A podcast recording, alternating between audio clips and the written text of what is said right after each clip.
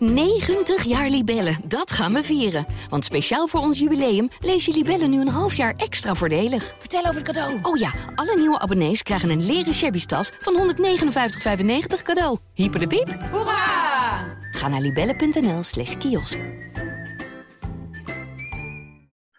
Welkom in de Ondernemersboekcast, aflevering nummer 27. Misschien viel het niet op heel snel toen ik het zei, maar we hebben de naam aangepast. Het is niet meer de boekencast, maar de Ondernemersboekencast, zodat je het weet.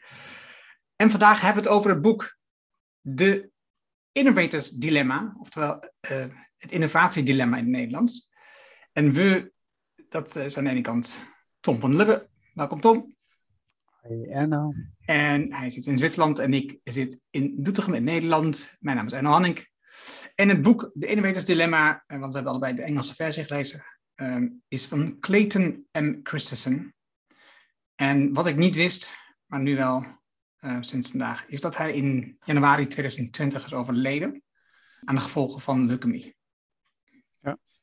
Uh, misschien is het wel een soort eerbetoon ook een beetje nog aan hem. Het boek is opgedeeld in twee delen. Allereerst, waarom kunnen bedrijven die succesvol zijn falen? En het tweede deel is, hoe ga je om, hoe manage je eigenlijk technologische innovaties?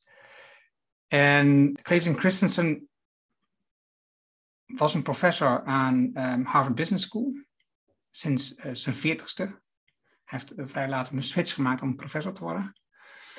En heeft verschillende boeken geschreven, maar dit was zijn eerste grote doorbraak. En het boek komt uit 1997, was het gelukkig? Ja, 1997.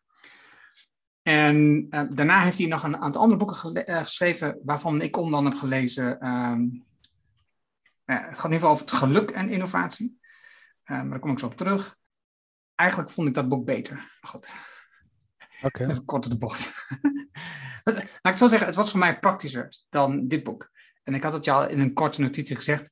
Ik kon, ik kon gewoon bijna niet door de eerste hoofdstukken heen komen, omdat hij heel uitgebreid uitlegt wat er gebeurt in de wereld van informatie.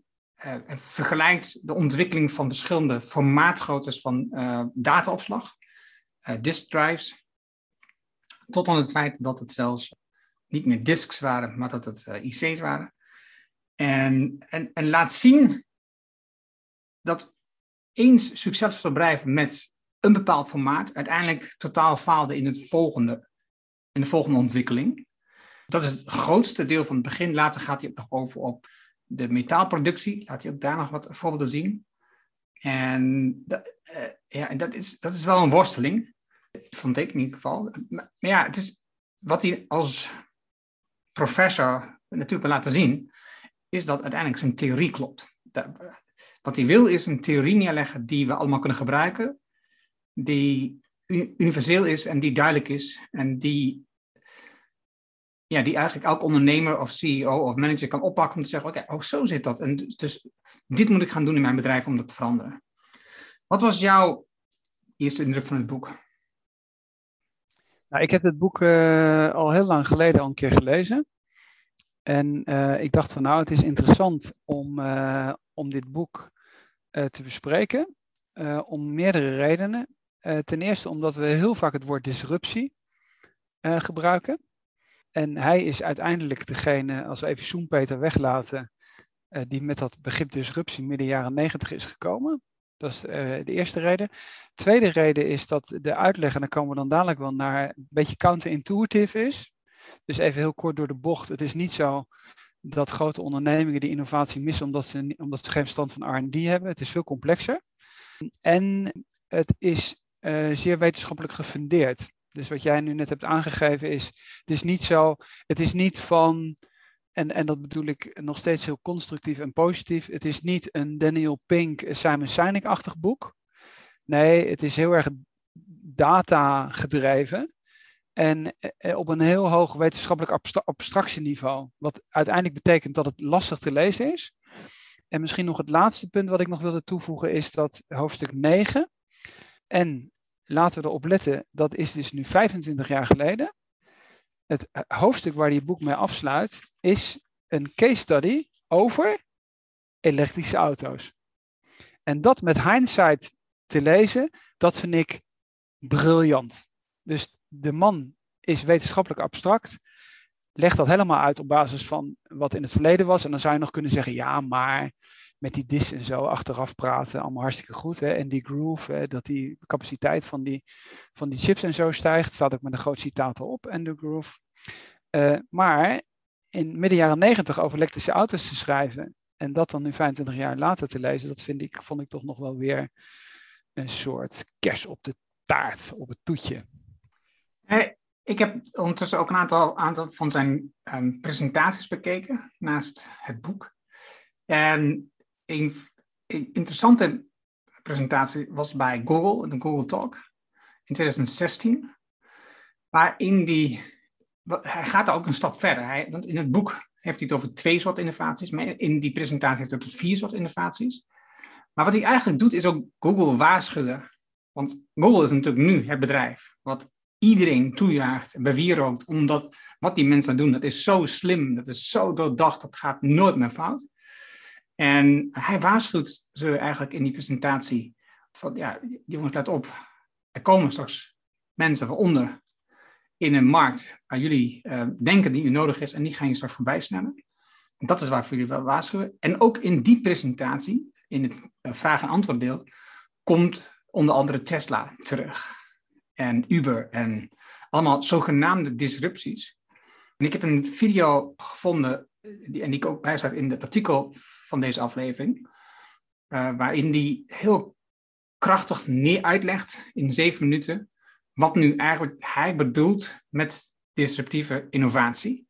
En het verschil met wat de meeste mensen op dit moment uh, disruptief noemen. Het is een vrij kort zakelijk gesprek met iemand anders van de Harvard Business School. En um, ja, ik zou zeggen, uh, kijk in ieder geval die video ook even. Dan leer je echt even hoe hij bedoelt wat innovatie is en disruptief. Het dilemma, dat is natuurlijk de titel van het boek, dat is denk ik super duidelijk. Wat we denken, en jij zei het net al in je introductie dat er twee, uh, een in zit, is we denken dat bedrijven die het fantastisch doen, en ze worden ook bewierookt, dat, we, dat die managers allemaal de juiste beslissing nemen, de slimme dingen doen. Maar als diezelfde bedrijven falen, dan worden die verketterd, diezelfde managers.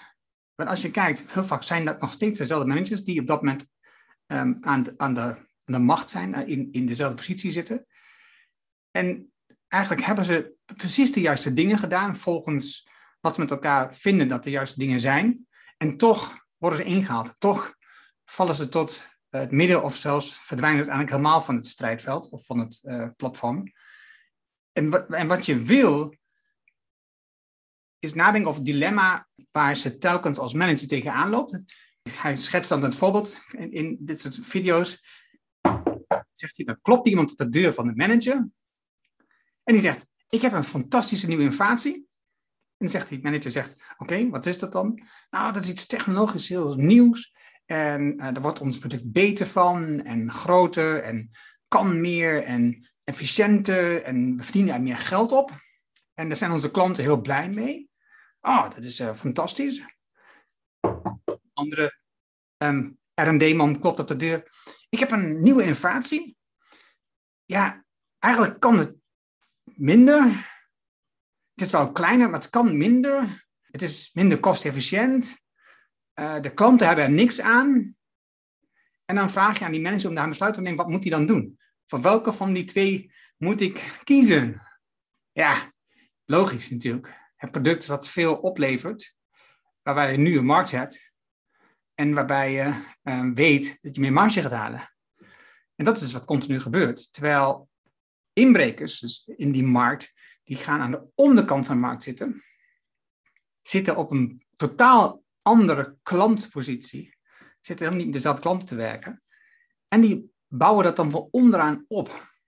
En je ziet dus ook dat het is eigenlijk meer een marketingdilemma bij zo'n innovatie, bij zo'n disruptieve innovatie, dan een technologische innovatie. Want die ontwikkelingen zijn meestal gebaseerd op de technologie van vandaag, maar in een heel andere vorm gegoten.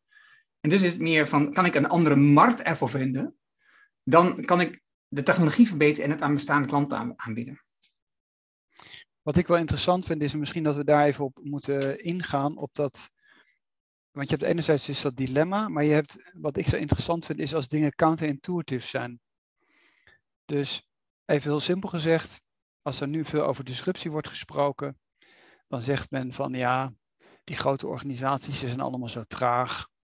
En weet je, daarom wordt het allemaal niks. Maar het is dus veel complexer. Dus misschien om het even toch, toch simpel te maken. En, en, en, en juist niet in die, in die technische details om zich te verzanden. Want dan moeten de mensen dat maar lezen als ze dat interessant vinden, hoe die hele dis, hoe zich dat heeft ontwikkeld. Is dat wat counterintuitive is, is dat je dat bedrijven die ergens beginnen, jij noemde het al even op basis van een marktsegment, met een, soms met een inferieur product lijken te komen in het begin. Dus, en toen dacht ik van ja, zou je iets kunnen nemen wat een consumentenproduct is, wat misschien wat makkelijker is? En toen is me eigenlijk te binnen geschoten de ontwikkeling van de automobielindustrie. Waarom? Zodat we naar de hand die elektrische auto ook kunnen pakken uh, aan de podcast. En wat je hebt gezien is eigenlijk dat de Europeanen, of misschien zelfs ook de Amerikanen, die hebben totdat de Japanners kwamen, kwalitatief superieure auto's geproduceerd. En die zeiden, ja nee, de Japanners, weet je. Toyota. Dat is Toyota. Wie rijdt er nou in de Toyota? Die kwamen met een kleine auto. Ja, ja, eh, ja. Veel goedkoper. Ja, ja, ja. Dus, en, dat is, en dat is iets wat wij eigenlijk allemaal voor heel veel mensen hebben meegemaakt in onze eigen jeugd. En mensen die een fatsoenlijke auto wilden hebben, die kochten misschien een Duitse auto of een Franse auto, et cetera. Misschien zelfs nog een Amerikaanse auto, maar zeker geen Japanse auto. En dat idee van design is niet helemaal goed, of in ieder geval niet zo superieur, die auto kan veel minder, uh, eigenlijk inferieur product. Nou, als we nou even, even tot Tesla en consorten even weglaten. Toyota kwam op een gegeven moment en schaalde steeds sterker op. In het begin niet serieus genomen, maar Toyota werd wel de grootste automobielproducent. Dus daar hebben we eigenlijk een typisch voorbeeld waar iedereen zich als consument iets onder kan voorstellen, omdat we al die auto's in het verleden hebben gezien. En waar kennen we Toyota ook van? Van die hele lean productie en Toyota Kaizen, et cetera. Toyota Way is ook, hè, ook een boek, uh, staat hier ook in de kast. Misschien ook nog maar een keer doen. Dus, dus uiteindelijk dat enorm onderschatten van simpele lelijke autootjes, om het maar even heel plat te slaan, leidde uiteindelijk, nou ja, 30, 40 jaar later tot een superieure just-in-time management werkwijze. Uh, de Toyota Way, managementboeken werden daarover geschreven. En toen moesten die Duitse automobielbouwers allemaal weer naar Japan gaan en Japan kijken hoe ze dat deden. En, en, en de herreizenis van Porsche heeft ermee te maken dat de toenmalige CEO naar Japan gegaan is en heeft gekeken hoe kan ik dat Toyota productiesysteem in, bij Porsche implementeren. Dus je hebt, daar heb je eigenlijk een soort afgesloten geschiedenis van een bepaalde branche, waar, waar dat tegen iets inferieurs aankijken, of niet serieus nemen van iets waar op dat moment ook nog geen markt voor is. Hè? Want je zegt van nou, een hele grote markt. Mensen in Europa willen gewoon goede auto's kopen. Dat, wie wil daar in Europa een lelijk klein autootje kopen? Dat is helemaal niet interessant, dat segment. En door dat, door dat te onderschatten, uh, uh, ja, komt iemand aan de onderkant van die markt rond erin en, en emancipeert zich in de loop van de tijd. En op het moment dat iemand dan zich geëmancipeerd heeft, is het eigenlijk al bijna te laat, zou ik maar zeggen. En het grappige is, Toyota is eigenlijk hetzelfde gebeurd met de auto's uit Taiwan, met Kia en Hyundai. En als we, als we, als we de lijn doortrekken, kan het zo zijn dat die bedrijven weer hetzelfde gebeurt met de auto's uit India. Wat, het, wat namelijk Christian ook beschrijft, is dus dat een inferieur product, maar is dus dat zij die, die, zo'n inferieur product in een markt brengen om het product voor veel mensen toegankelijk te maken. Daarvoor waren auto's veel duurder. En eh, zij zorgde ervoor dat de auto op dat moment voor veel meer mensen toegankelijk was, omdat die, eh, dus mochten, bekochten, verkochten een veel goedkoper product. Hij en Clayton vertelde dat hij met zijn vrouw was, die in, ik denk Taipei, heb ik iemand zeker. En had hij het over, als je kijkt naar de toekomst, elektrische auto's, hebben we het even weer over. In vergelijking met Tesla. Zij kwamen daar, hij, hij zag, ik zag daar een elektrische auto, een eenpersoonsauto voor 2500 dollar. Dus in vergelijking met Tesla, dat, was een van die innovatie. Dat is, dat is namelijk disruptie, zegt hij. Een elektrische auto, 2500 dollar, één persoon, kan, kan niemand mee inzitten, je kan niks. Je kan alleen maar gewoon met het ene ding Je biedt iedereen op dat moment dus een elektrische auto mogelijkheid aan. Voor veel minder geld dan, dan je nu gewend bent. Dat is disruptie in zijn, in zijn theorie. Dat je namelijk de onderkant van de markt openbreekt. En eigenlijk die markt groot maakt. Disruptie is dus ook dat de markt vergroot wordt. Terwijl de geleidelijke innovatie, de sustaining innovatie, het behoud van, is eigenlijk behoud van de markt. Dat is, je maakt hem niet groter, je maakt het product beter, maar je levert gewoon dezelfde klant. Dus het, wordt niet meer. Dat is het verschil tussen die twee dingen. Ja, en die link die in het boek ook wordt gemaakt is naar Ford. Waar die in principe zegt van de uitvinding van de auto is nog niet, is niet de disruptie. De disruptie van überhaupt van de auto die het paard uh, wegdrukt is op het moment dat Henry Ford komt en zegt van ik maak een hele goedkope auto die toegankelijk is. Want daarvoor was de auto iets wat heel beperkt werd gebruikt. En nog steeds werd voor andere grotere afstanden werd bijvoorbeeld de spoorwegen gebruikt. Dus dat is, je ziet wat dat betreft is die auto denk ik een, ook een mooier voorbeeld om dit soort dingen aan op te hangen. Omdat het elke keer weer terugkomt. En je natuurlijk zowel met Ford wat jij net uh, noemde. Hè? Disruptie is pas echt als, als het helemaal verandert en niet de technische uitvinding op zich. Uh, en je dat bij, bij, bij elektrische auto's aan het einde dan ook weer ziet. En elke keer is het eigenlijk het, het verkeerd inschatten van iets wat dan, wat dan uiteindelijk ook iets te maken heeft met, ja, noem het maar productarrogantie. Uh, en dat zie je keer op keer gebeuren. En, en in India hetzelfde. Dus als iemand zegt van ik ga een auto produceren en ik weet dat een miljard mensen wel een auto zouden kunnen kopen voor, weet ik wat, 5000 dollar of 1000 dollar, dan krijg je, krijg je een, hele andere, een hele andere manier van denken. Alleen als jij auto's produceert die 50.000 euro kosten, dan ben je helemaal niet in staat om een auto te produceren wat tien keer zo goedkoop is. Een ander voorbeeld, wat ook nog, eh, wat ook wel vaak voorbij hoort komen, maar als je erover nadenkt, dan snap je ook waar daar de disruptie af en toe naar voorkomt. Ieder geval camera's. Dus je hebt, je hebt, je hebt eh, mooie camera's, en um, Kodak is dan uh, onderdoor gegaan. Want hè, dat, was de manier. En die camera's waren duur, weggelegd, niet voor iedereen. En nu hebben we een camera in onze zak, dat is een standaard ding. Terwijl in het begin de camera in de telefoon, de eerste um, camera, dat was, dat, was, beroerd, het was, de kwaliteit was verschrikkelijk. Maar hij zat standaard in je telefoon en daarmee werd hij bereikbaar voor iedereen. En dat, dat is het verschil. Dat is dus disruptie in, uh, in de theorie van uh, Clayton Christensen. Ja, en wat je daar nog ziet, bijvoorbeeld bij die camera's, is ook een goed voorbeeld. Dat uh, het Zeiss, dus die lenzen maakt, ja, die gingen op een gegeven moment produceren ook voor de mobiele telefoons. Terwijl ze daarvoor voor de Japanse cameraproducenten de boel hebben gemaakt. Of dan nog voor niche ja, fotoapparatenproducenten, zou ik maar zeggen. Dat is, uh, dat is bijvoorbeeld ook een heel goed voorbeeld wat iedereen wel kent. En, dan, en vanuit de professionele fotograaf is het dan heel lang zo geweest dat, dat ze zeiden, ja nee, maar eh, het kan best zijn dat die camera's nu beter zijn, maar het is nog steeds niet te vergelijken. En nu zijn we inmiddels beland dat je tentoonstellingen ziet in de fotografie van fotografen die met hun iPhone foto's hebben gemaakt. Dus dan hebben ze zelfs de kunst, het kunststadium bereikt, wat in het verleden natuurlijk helemaal niet kon. Dan kon je alleen maar met Hasselblad een tentoonstelling doen. Ja, ja, en het grappige is dus, als je als nieuwkomer, dus, dus, dus je hebt een disruptief idee, en als je als nieuwkomer in zo'n markt wil komen, dan is, dan is misschien wel de eerste loze gedachte dat je dat gaat doen op het, op het, op het hoge niveau in die markt. Want daar zit dus de, de marge, daar zit het geld. Maar dat, dat is bijna onmogelijk. Omdat namelijk de huidige partijen in die markt, die, zijn, die hebben zoveel geld, die zijn in staat om je eh, om te brengen of op te kopen. Dat zie je dus ook eh, gebeuren bij Facebook en bij Google.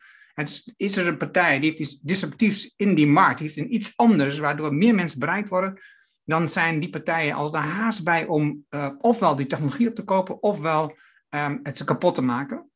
En, en dus als je als nieuwkomer iets wil, dan moet je dus eigenlijk onder die markt waar geen geldvinding is voor die grote partij, daar moet je inbreken, want daar staan de, ontstaan de kansen. En dan kun je van daaruit ontwikkelen met vernieuwing en steeds meer marge maken.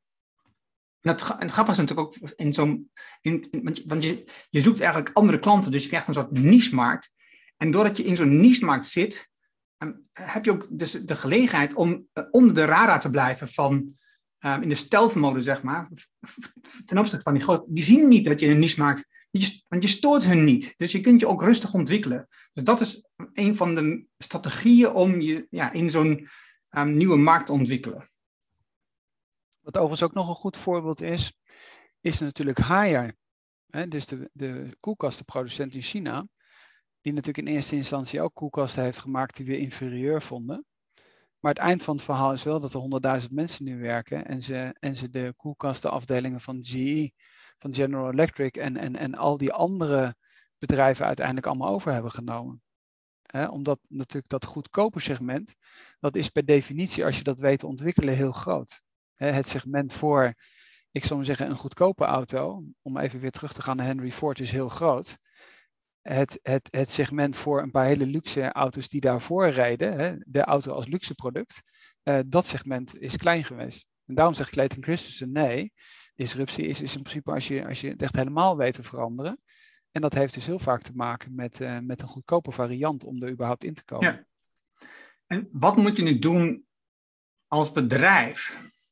Als je, het is, je zit als bedrijf, hè, zoals Facebook of Volkswagen of wat dan ook, maakt niet uit hè, wat voor voorbeeld je kiest. Maar wat moet je nou als bedrijf doen om ervoor te zorgen dat je en zo lang mogelijk gebruik maakt van de hoge margeproducten en toch ook niet die disruptieve ontwikkelingen mist. Nou, een van de oplossingen die die zegt, die Kneten zegt, is dat je een afdeling ergens anders neerzet. Totaal buiten je normale uh, vestigingen, um, totaal een locatie. Hij noemt het voorbeeld van HP ehm, of Xerox, ik dacht dat het HP was. Um, totaal verschillende staten. Uh, en en zo'n zo'n nieuwe afdeling, of een nieuw bedrijf is het eigenlijk, die begint totaal onafhankelijk van de grote moeder. Uh, met een eigen management, met eigen regels. Die hoeven zich niet uh, uh, te conformeren aan de regels van de moeder. Die hoeven zich niet te houden aan de kerngetallen van de moeder. Die kunnen hun eigen ding doen. En de moeder investeert dan in die start-up om um, de start mogelijk te maken. En, en ze zijn dan een, een, bepaald percentage zijn ze eigenaar geworden van het bedrijf. En als nou blijkt dat dat een succes wordt, als ze doorbreken met hun innovatie en het een nieuwe markt vinden met een inferieur product, dan pakken ze het weer op, nemen ze het bedrijf over, integreren ze en kunnen ze van daaruit verder groeien en kunnen ze de nieuwe um, ontwikkelingen, technologische ontwikkelingen maken. Want de marktinnovatie is dan gedaan door een partij die daar los van staat, die anders denkt en die niet. Want het punt is namelijk, dat vertelt ook zo mooi in het verhaal, is op het moment dat je een manager hebt die heeft dus een visie die zegt, nou, nee, dit is, dit is innovatie, dit is, dit is technologie, dit is iets nieuws, ik zie een nieuwe markt, daar ben ik aan de slag. En als je een groot bedrijf bent, dan, dan zit dat jouw klant en die hele markt, die zit helemaal geïntegreerd in je bedrijf. Dus iedereen denkt vanuit die positie. Dus het is heel ingewikkeld om dan als eenling, als een andersziener, um, jouw visie te doorbrengen in die, in die organisatie. Dus mensen gaan jou intern onbewust tegenwerken. En zeggen, dat kan helemaal niet, want het levert veel te weinig op. Wanneer levert het op? Op een moment uh, wordt je product of je innovatie gewoon gekild. En dan zie je dat soort mensen gefrustreerd vertrekken en een eigen bedrijf ergens starten. En soms ook dus hun moeder voorbij streven. En dus wat je dus, wij dus wil waken als moeder, is dat je dat overkomt en eigenlijk gewoon investeert en in contact blijft met zo'n partij en weet wat er gaande is op het moment dat het ja, weer past, integreer je helpen. Ja. of je laat het gewoon zelfs doorgroeien, dat zou ook nog kunnen. Er zijn ook wel genoeg voorbeelden van bedrijven die op de verschillende marktsegmenten gaan zitten. Dat zie je zelfs ook bijvoorbeeld bij het MKB, hele grote MKB-bedrijven. En die, uh, die consolideren dan en die, die, die pakken gewoon die hele curve. En die zeggen van nou, ik heb bijvoorbeeld goedkope ramen en een middensegment en dure ramen, allemaal met verschillende labels. Maar dezelfde familie is daar eigenaar van. Mensen weten dat vaak ook helemaal niet. Of gehoorapparaat is ook zo'n voorbeeld. Er zijn best waar ze die, al die dingen pakken. En waar natuurlijk dan ook weer juist, juist aan de onderkant van die markt ook vaak een bepaalde uh, ambitie is. Juist, juist die, die chicere uh, variant en die duurdere varianten laten zien dat ze, dat ze toch een soort uh, bestaansrecht hebben. En dat heeft natuurlijk bij Toyota ook een hele belangrijke rol gespeeld. Dat, dat Toyota was niet alleen maar van we willen een grote producent worden. Nee, het was ook, het was ook een beetje het herstel van het aanzien van Japan in de wereld. Dat speelde allemaal een rol. Ze wilden uiteindelijk ook laten zien dat ze ook fatsoenlijke auto's konden bouwen. Ja, en het grappigste wat je dus terugziet nu in de presentatie van Clayton is dus dat uh, in ieder geval in, dat, in die Google-presentatie van 2016, is dat hij dus zegt, weet je, Japan heeft toen geweldige jaren gehad, maar die heeft het uiteindelijk weer laten liggen. Die heeft, die heeft, die heeft heel lang genoten van uh, meer geld verdienen met dezelfde innovaties. Hè. Dus, dus wat hij vertelde is dat je krijgt innovatie op innovatie, maar de enige drijfveer van innovaties op korte termijn geld verdienen. Hè. Dus, dus um, uh, je komt met je innovatie-idee bij de interne financiële mensen. Want, uh, hij heeft het onder andere ook over um, de getallen waarop, waarop we worden afgerekend. Hè. Dus in het verleden zegt hij, waren het gewoon hele getallen. Dan had je dan over omzet en had je het over winst. Tegenwoordig zijn het ratio's. Dus op basis van ratio wordt gekeken, ja, is dit, is, dit, is dit rendabel? En je kunt dus meer innoveren en je kunt minder kosten hebben.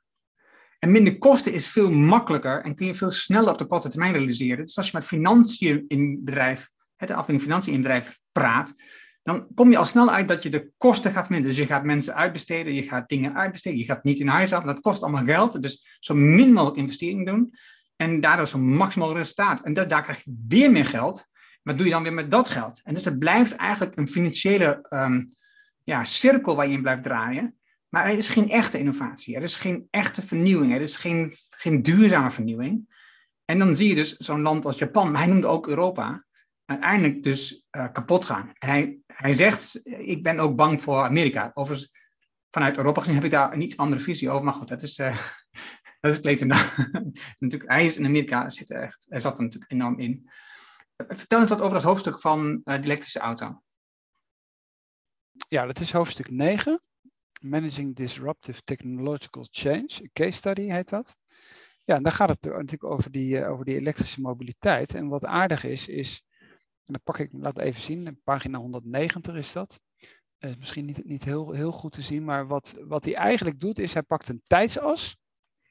En dan neem ik er even het voorbeeld van de batterij uit, want dat kent iedereen wel dat je eigenlijk dingen in de tijd kunt extrapoleren. Dus als je bijvoorbeeld weet dat de bottleneck is batterijcapaciteit, dat heeft bij de elektrische auto natuurlijk een belangrijke rol gespeeld, maar je weet dat die aan het veranderen is, dan kun je eigenlijk gewoon uitrekenen waar zit dat punt dat je met zo'n auto wel genoeg kilometers kunt maken. want in het begin was het zo van ja, als je een elektrische auto hebt, dan kun je alleen maar één, blokje rijden, zou ik maar zeggen. En dan, dan was het dat. Toen kwam dat hele thema met die, met die laadpalen. Ik zag vanmorgen in een nieuwsletter langskomen dat uh, Tesla heeft gecommuniceerd of getwitterd dat ze, weet ik wat, 22.000 van die laadpalen hebben en zo. Maar dat speelde in het begin een rol. En, en, en hoe snel die auto's zijn, hoeveel kilometer je daarmee kunt rijden, dat legt hij uiteindelijk allemaal gewoon uit. En dan, en dan, schrijft hij bijvoorbeeld ook hier, uh, het is niet mainstream. Het is te klein, het segment. Het uh, zegt hier, it's not an established uh, automobile market segment. Ja, en dan, en dan loopt hij dat in principe door. Ja, en dan, dan krijg je natuurlijk exact dat wat er, wat er gebeurd is. Dat je het uiteindelijk dan toch niet serieus genoeg neemt. En waarschijnlijk ook intern heel veel discussies hebt van ja, elektriciteit, weet je, dat is allemaal niet, uh, zo functioneert dat niet. En je kunt met die auto niet snel genoeg rijden en je kunt niet snel genoeg optrekken. En de reach is te laag, et cetera. Ja, kijk maar waar we nu staan. 25 jaar later, een market cap van uh, van Tesla. En de market cap zegt natuurlijk toch iets over de verwachting van de toekomst. want anders zou een belegger daar niet voor willen betalen. Wat is het? Net, zo, net zoveel waard als de, de drie automobielproducenten die daarna komen. Ik weet het niet precies uit mijn hoofd. Dus dat, is, dat vind ik op zich wel, wel leuk om, um, voor de mensen. Dus als je zegt van nou weet je wat, ik vind dat boek een beetje dik. Het zijn uh, toch weer 200 echt zware bladzijden dan is denk ik wel dat hoofdstuk over elektrische mobiliteit toch wel heel erg leuk. Wat ik uh, bijzonder vond, en, en, dat heb ik uh, uit van die presentaties gaan, niet uit het boek voor duidelijkheid, is wat hij ook zegt. Hij, hij haalt namelijk het gesprek aan wat hij had met. Oh, dat zit in die video van die, van die, van die zeven minuten waar hij uitlegt van de disruptieve innovatie, wat het, wat het precies betekent. Het was een gesprek wat hij had met de directeur van de CEO van Intel, de chipmaker. En die kerel van Intel die belde hem op en zegt: Ja, weet je, um, ik heb helemaal geen tijd, ik ben helemaal geen boeken lezen, maar ik hoorde dat jij een interessante theorie hebt. Um, kun je die aan mij uitleggen? Ja, dat, wil ik wel doen. Dus hij vliegt naar Intel, naar die dier. Ik weet niet wie de CEO heet uit mijn hoofd, maar die dat vliegt hem toe en, hij is daar. En hij um, zegt: ja, Het is wat tussen gekomen, ik heb tien minuten voor je. Dus je moet in het kort uitleggen hoe het zit, zegt hij tegen Clayton. Hij ja, dat heeft geen zin. Ik moet je de theorie uitleggen, want dan snap je het zelf. Dan kun je, dan kun je in slag.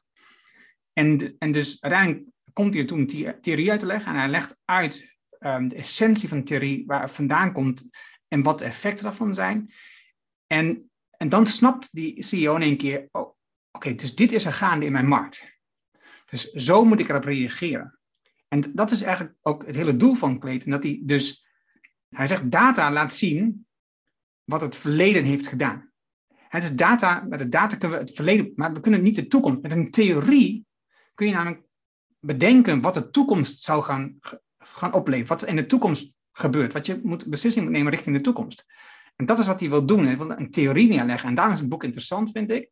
Hij, leg je, hij geeft je een theorie, waardoor je snapt, als je een, een groot succesvol bedrijf hebt, of als je een start-up bent, in welke kant van de markt je moet bewegen. Wat is, wat is echte disruptie? Waar ga je de toekomst echt mee redden? Niet dat elke um, innovatie redt, maar dan maak je wel een veel grotere kans om dat te realiseren. En wat ik ook nog wil zeggen is namelijk hoofdstuk 10, is dat is namelijk het volgende hoofdstuk na, na die case study.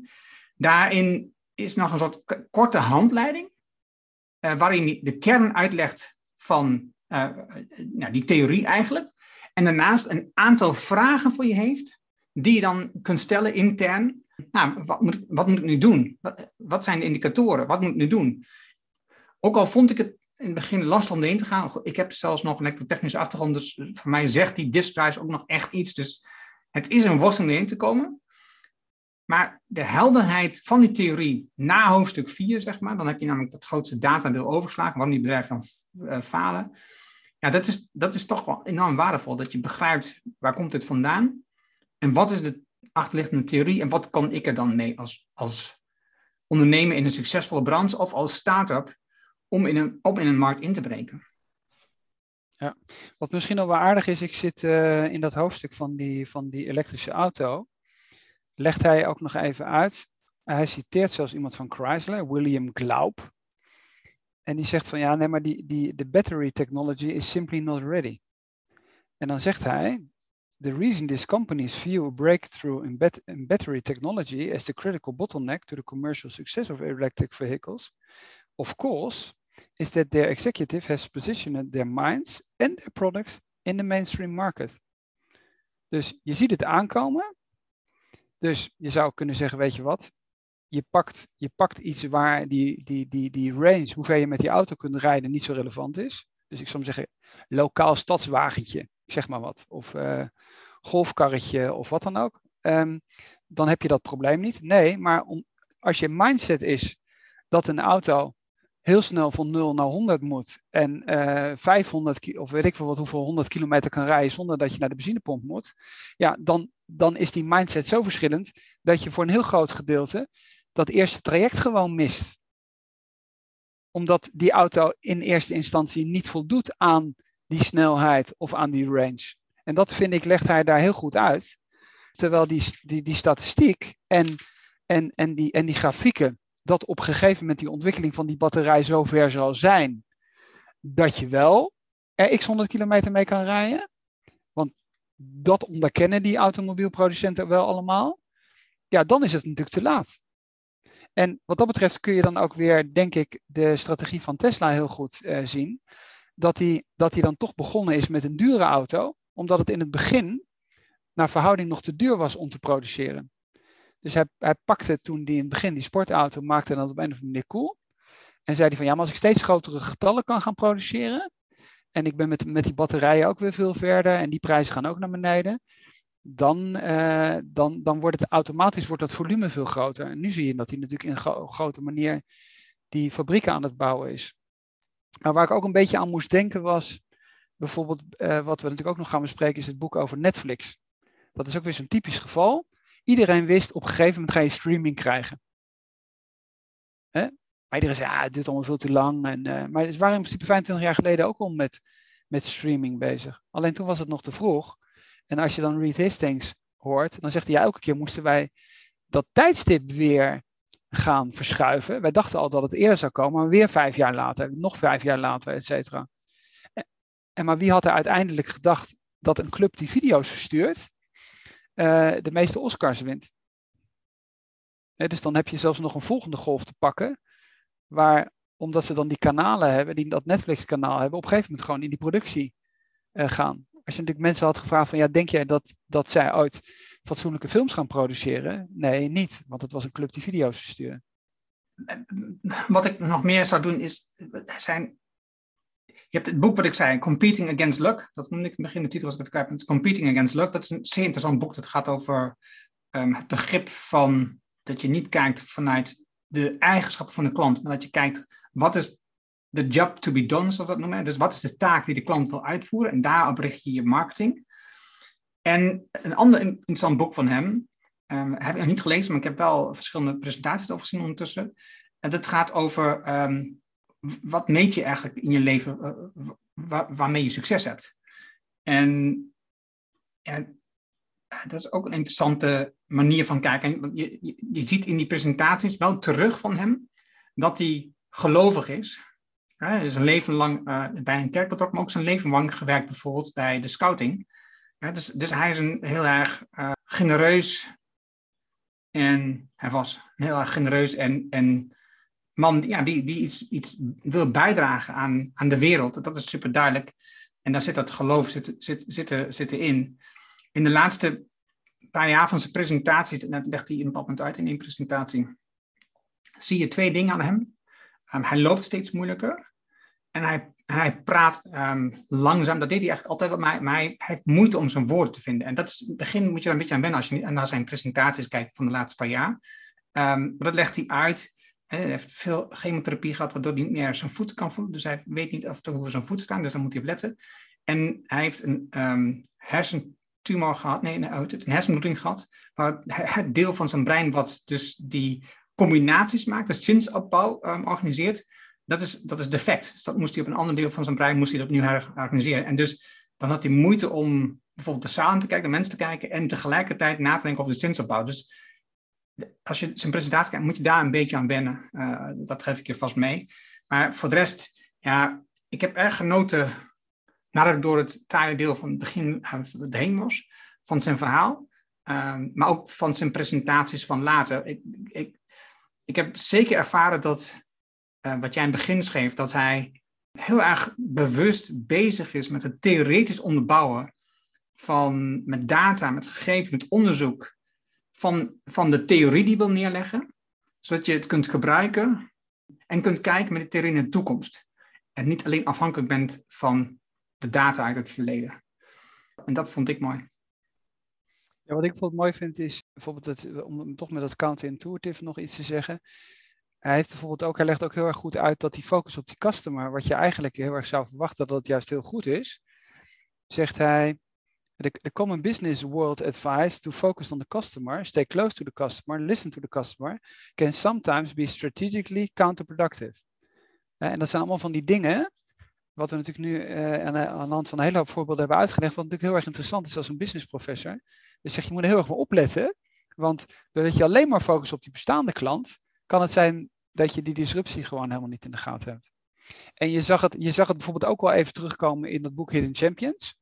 Waar, waar gerefereerd werd en zei van nou je kunt wel kwaliteitsstrategie kiezen. En dat is uiteindelijk is dat op zich is dat een goede strategie. Maar pas op, want het kan zijn dat er een heel groot klantensegment zegt van ik, ik ga helemaal niet voor de belangrijkste kwaliteit, want het prijsverschil is inmiddels zo groot dat ik liever voor een goedkopere variant eh, kies. Dus daar heb je in principe datzelfde dilemma van die zeer op, op kwaliteit gefocuste, ja, vooral dan niet alleen maar Duitsstalige, maar van die Duitsstalige wereldmarktleiders die we in, uh, Hidden Champions besproken hebben. Ja, ik, ik moest ook gelijk aan het boek Hidden Champions denken, maar waar toch echt heel vaak naar voren komt dat een van de belangrijkste kenmerken van dit soort bedrijven is dat ze heel dicht op de klant zitten en continu innoveren met de klant. En, en, en dus daar zit, die, daar zit die ook in voor mij. Dat je denkt, oké, ik heb net een boek gelezen, wil je een hidden champion worden? Dan moet je ontzettend op de markt, aan de klant, en dan moet je daar dicht op zitten. En dit zegt, oké, dat is prima, maar als je dat doet, denk eraan dat je waarschijnlijk gewoon uiteindelijk kapot gaat of verdwijnt in de middenmoot. En dus verlies niet de innovaties die disruptief zijn uit het oog. Of als ze in je bedrijf naar voren komen, stoot ze niet zomaar af, maar blijf betrokken en zorg dat je, um, nou, dat je het ergens anders neerzet op een andere locatie. Maar dat je wel betrokken bent, zodat je weet hoe gaat het met de ontwikkelingen en kan ik, en kan ik dat later integreren in mijn bedrijf? Maar in de Delen Champion boek zit nog een hoofdstuk. En ik weet niet precies welk uh, voorbeeld, welk bedrijf dat was. Waar Herman Simon zegt, dat bedrijf had gezegd, laten we een, een productvariant maken die veel eenvoudiger is en veel minder kost. Dus ik zeg maar even zeggen, uh, je hebt een product X en dan is de opgave enerzijds na te denken over iets wat veel geavanceerder is. Maar tegelijkertijd te zeggen, kunnen we ook een product produceren wat half zo duur is en half zoveel kan, maar voor een ander marktsegment nog steeds een optimale oplossing is. En dat is iets wat wij natuurlijk ook heel vaak kennen, dat wij bepaalde dingen kopen die, die, wat heel veel kan. Software of telefoons is een heel goed voorbeeld. En waar je eigenlijk maar vanuit de technische mogelijkheden een fractie uh, gebruikt van de mogelijkheden, omdat de meeste mensen dat helemaal niet nodig hebben. Dus bijvoorbeeld bij mobiele telefoons zullen er heel veel oudere mensen zijn die zeggen, ja, ik wil alleen maar mijn kinderen kunnen bellen. Ik hoef helemaal niet allerlei apps erop of wat dan ook. Dus de vraag is op een gegeven moment, zit er in dat segment van die mobiele telefoons niet ook gewoon ergens een segment waar drie knoppen op zitten, hè, voor oudere mensen, waar, waar ik helemaal niet allerlei apps mee kan doen of allerlei dingen kan doen, of de Kindle kan lezen of weet ik veel wat allemaal. Dat was hem. Dankjewel. Um, heb je opmerkingen, suggesties over deze aflevering? Heb je een boek waarvan je zegt, nou, dat moeten we precies lezen? Stuur ons een berichtje um, onder deze aflevering, waar je maar luistert of kijkt. Um, of stuur ons een berichtje op LinkedIn. Ons volgende boek, wat we gaan bespreken, dat uh, over twee weken is naar een gezond groeibedrijf in vijf stappen. En dat, uh, die namen kan ik niet meer zo snel lezen, maar dat was ik alweer van wie? Justin Jansen en Tom Nom twee professoren uit Rotterdam. Precies, dus die gaan we binnenkort lezen. En dat is eigenlijk een heel anglo-saxisch boek, als ik het goed begrepen heb van mensen. Dus we gaan benieuwd wat, uh, hoe we daar in het Rijnlands uh, mee overweg kunnen. En ik zou zeggen, dankjewel voor het luisteren en graag tot de volgende. Dankjewel Tom. Dankjewel Enno.